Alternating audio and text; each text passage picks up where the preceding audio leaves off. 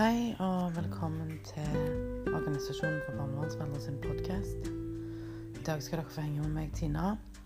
Eh, Jeg har valgt å kalle dagens episode for Facebook-siden for udugelige foreldre.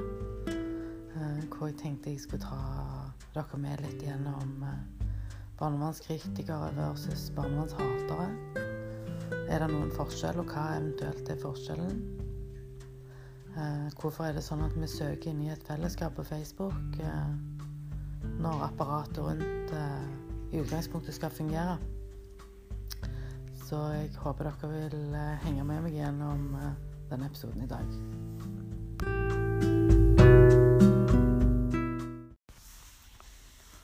Så når jeg sitter da og ser tilbake, så har jeg jo forstått at jeg visste jo egentlig ikke så mye om noen ting.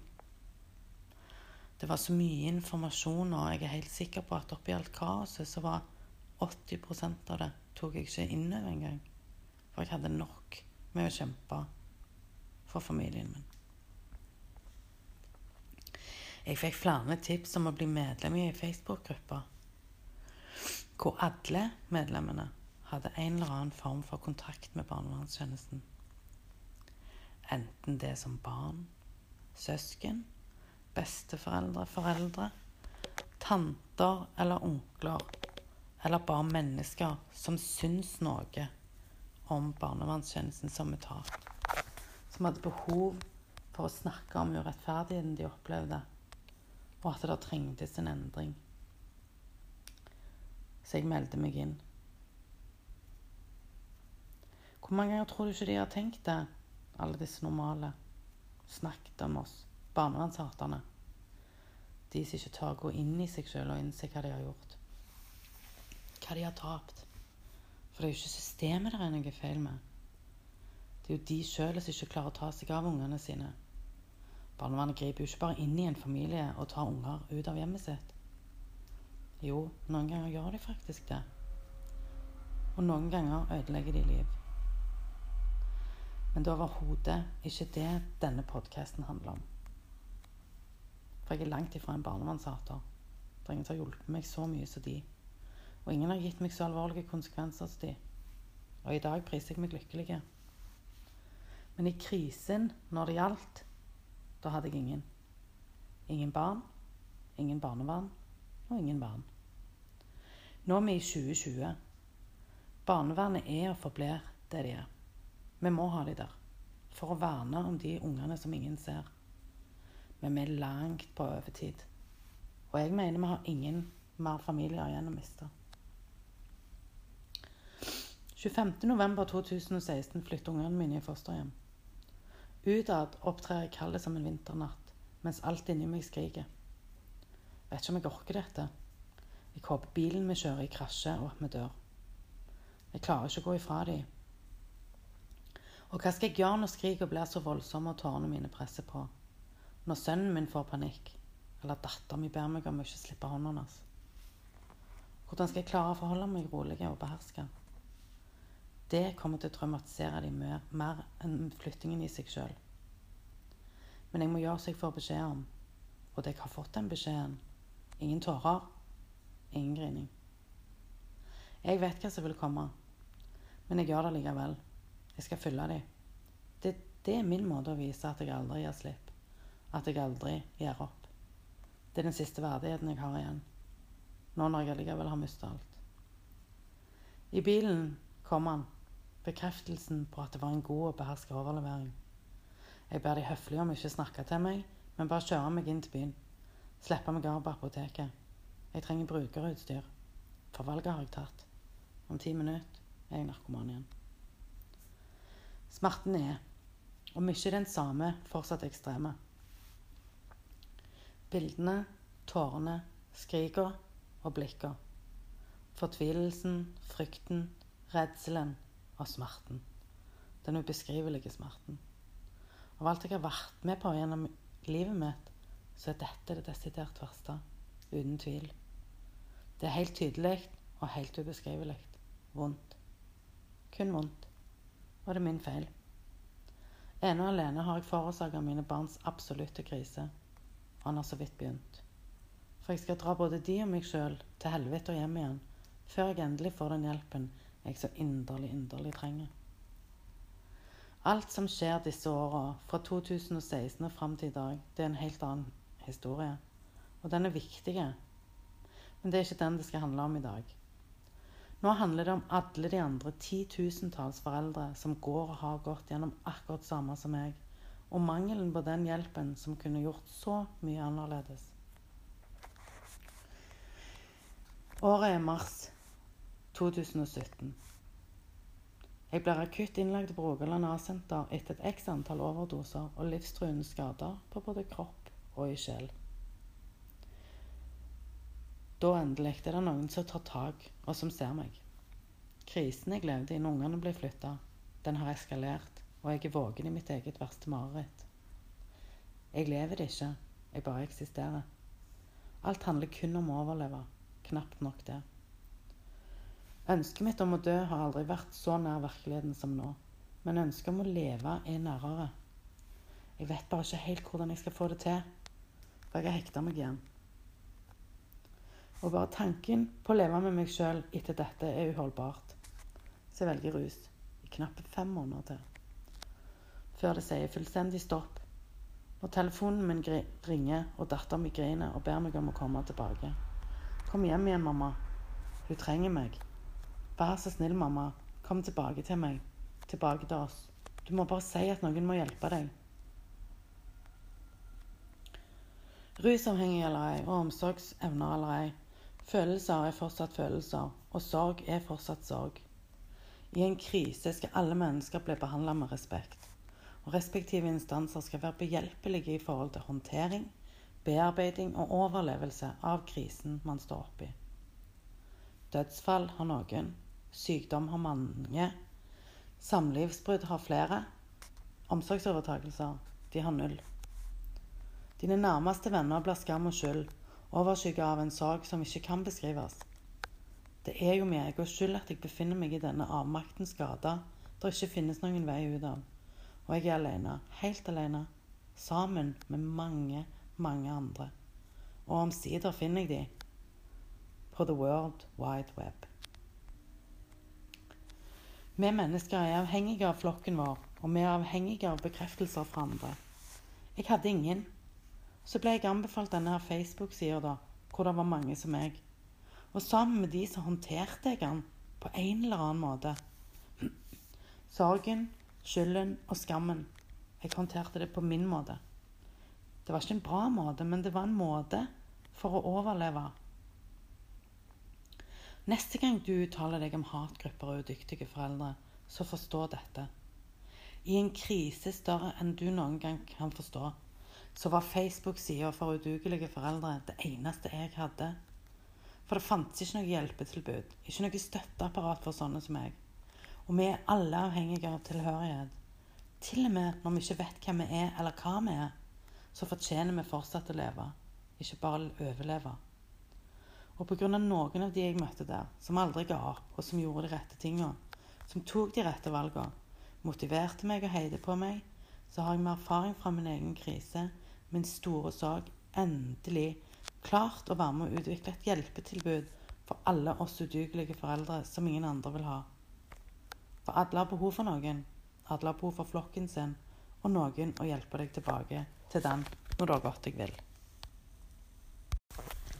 Flaks for meg, tenker jeg, at jeg traff så mange gode mennesker som kunne hjelpe meg videre, og f.eks. inn i OBF. Men du har andre òg som ikke evner å stoppe. De drar en så langt at det blir et frontalangrep både på barn og foreldre og ansatte i tjenestene, og der går mye grenser.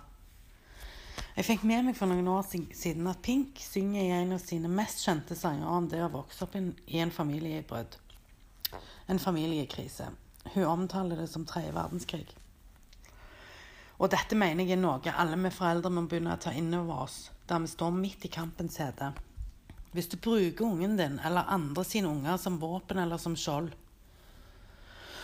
eller legger du fra deg som en gang, alt som en, gang kaltes fornuft, og faktisk gjør begge deler? Da vil jeg si noe til deg. Jeg har lenge stått pent på sida av diverse Facebook-grupper og var vitne til en brutalisering det lenge siden jeg kunne stå inne for. Der rår det hersketeknikker som jeg aldri har sett magen til. Det er ikke bare det at jeg ikke lenger kunne stå inne for dem, men de går òg på tvers av alle mine viktigste verdier. Og det verdisystemet mitt det har fått seg en omgang og to med juling, altså. Jeg har reist meg opp og i plenum forsvart flere av disse barnevernshatersidene på Facebook. Det er noen jeg anser som seriøse. Og det er én jeg fortsatt henvender meg om råd. Jeg har gått all inn i debatter, og ikke bare forsvart, men jeg har òg forklart hvorfor jeg søkte, og hva slags behov jeg fikk dekka der og da.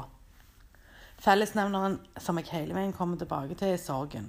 Og smerten som bare en mor eller en far som har blitt fratatt omsorgen for sine unger, kan forstå. Tilhørigheten jeg fant, og trøsten sammen med alle dere andre som opplevde akkurat det samme. Jeg levde i helvete, og barnevernet ble mine bødler. Jeg hata de, og det var så deilig å hate sammen med dere. Helt til det ble sykelig, og det gikk fra et fellesskap til en slags sekt. Min historie er ikke unik, men den er likevel verd å lytte til. For hvis ikke jeg sier noe om dette, hvem skal?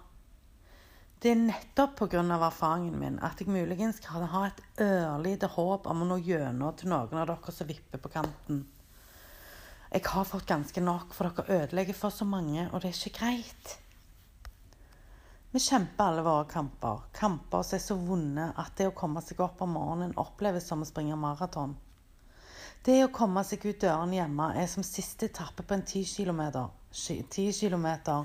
Og mange ganger, veldig mange ganger, så bryter du fullstendig sammen av en så vakker ting som latteren fra en unge. Du knekker sammen. Du har ikke mer krefter. Du snur. Du klarer det bare ikke. Det gikk fra å springe maraton til å delta i triatlon, og du har ikke sjans. Du gir opp, men du prøver igjen i morgen. Jeg vet det, for jeg har vært der sjøl. Og dette var helvetet mitt. Og ja, det er ufattelig mange som har opplevd en urett som mest sannsynlig aldri kan rettes opp. Unger som har mista foreldrene sine, og foreldre som har mista ungene sine. At barnevernet gjør feil, det er det som sagt ingen tvil om. Og vi må belyse denne sida. Men denne podkasten sin kjerne er på bekostning av hva? For det foregår. Det skjer her og nå. Sak etter sak blir behandla i EMD. Og imens så sitter jeg her og lurer på hm, hva med meg, da? Skal jeg som faktisk fikk hjelp av barnevernet, bare tie stilt? For plutselig så er ikke min historie verden drit. Jeg blir hetsa, mobba, trua, spytta på. Jeg er ekkel, jeg er skitten, jeg er verre enn dere alle. Jeg er faktisk den verste. Jeg er hjernevaska, jeg slikker de opp etter ryggen i redsel. Kjære folk, aldri har jeg opplevd så mye kvalm som når jeg sier at jeg heier på barnevernet, jobben barnevernet faktisk òg gjør den hjelpa jeg fikk. Konsekvensene som ga meg akkurat den muligheten som var så nødvendig for å kunne gi meg sjøl og mine barn et godt og verdifullt liv. Jeg deltok på en konferanse i januar uh, hvor dette spørsmålet igjen ble stilt. Hva søkte du i disse gruppene, Tina? Og Det samme svaret landa jeg òg i går. Sjelesorgsarbeid og trøst. Forståelse, tilhørighet og sympati. Men det fins ei bakside, ei mørke, der ting eskalerer fort. Og uten at du vet det, så er du slukt inn i en brutalitet så rå og voldsomme at du trenger overbevisninger i lang tid etterpå om hvorfor de holdt på sånn. For jeg lurer på en ting. Hva i alle dager har ei tenåringsjentes opplevelser med en tjeneste som ikke fungerte, på alle landets barnevernshatersider å gjøre? Hvorfor får jeg til stadighet sendt filmsnutter av denne jenta i min innboks på Facebook? i ulike settinger hvor ulike aktører snakker med hun om hennes liv. Dette er noe av det mest såra private en unge kan oppleve. Effekten det får på meg, er tvert imot alt det dere prøver på. Jeg syns det er motbydelig, og jeg kommer aldri, aldri til å se de ferdig. Dette er ikke en av grunnene til at jeg har gått ut av alle hatgruppene. Dette er grunnen. Dere bruker de vondeste opplevelsene hennes og mange andre sine for egen vinnings skyld. Gjennom å sette fokus på et system som åpenbart ikke gjorde det de skulle, er ikke dette veien å gå.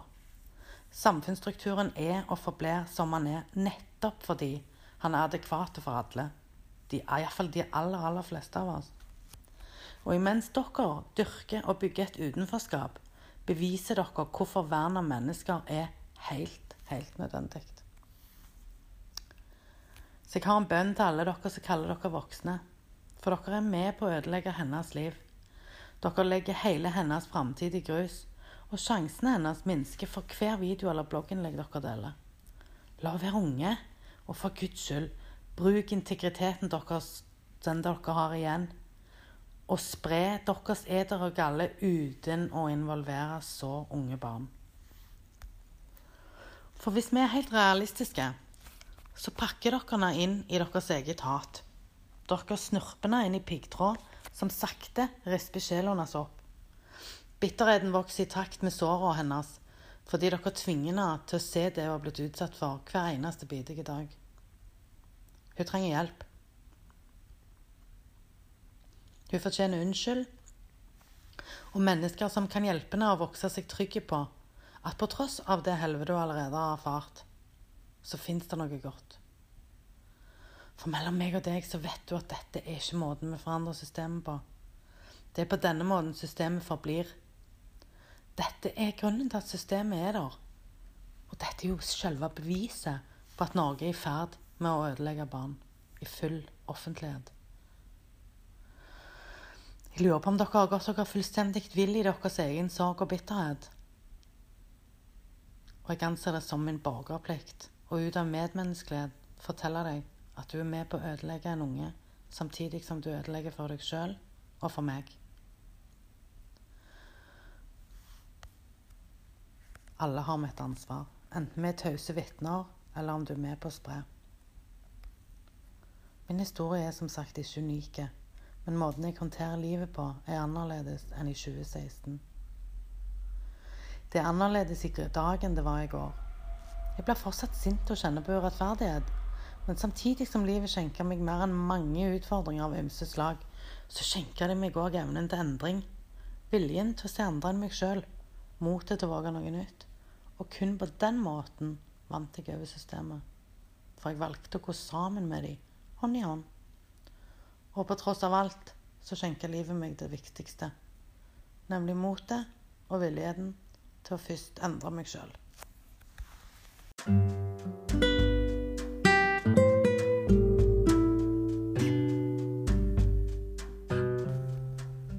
Så da vil jeg til slutt bare si takk for at dere fulgte meg gjennom denne episoden. Og um, nå er det jo sommerferie, så um, det blir nok meg dere skal henge med neste uke òg. Jeg, jeg gleder meg til det. Hvis dere har noe dere ønsker jeg skal snakke om, eller ønsker å være med på en episode, så hadde det vært kjempekjekt. Og håper dere tar kontakt med meg enten på Facebook eller på uh, mail eller Snapchat. Det hadde vært kjempekjekt hvis vi kunne fått noen av lytterne sine egne historier og egne ord. Uh, noen ganger føler jeg at jeg sitter og gjentar meg sjøl, men jeg håper ikke jeg gjør det. Da vil jeg ønske dere en fin kveld og dag videre. Så snakkes vi neste uke. Ha det bra.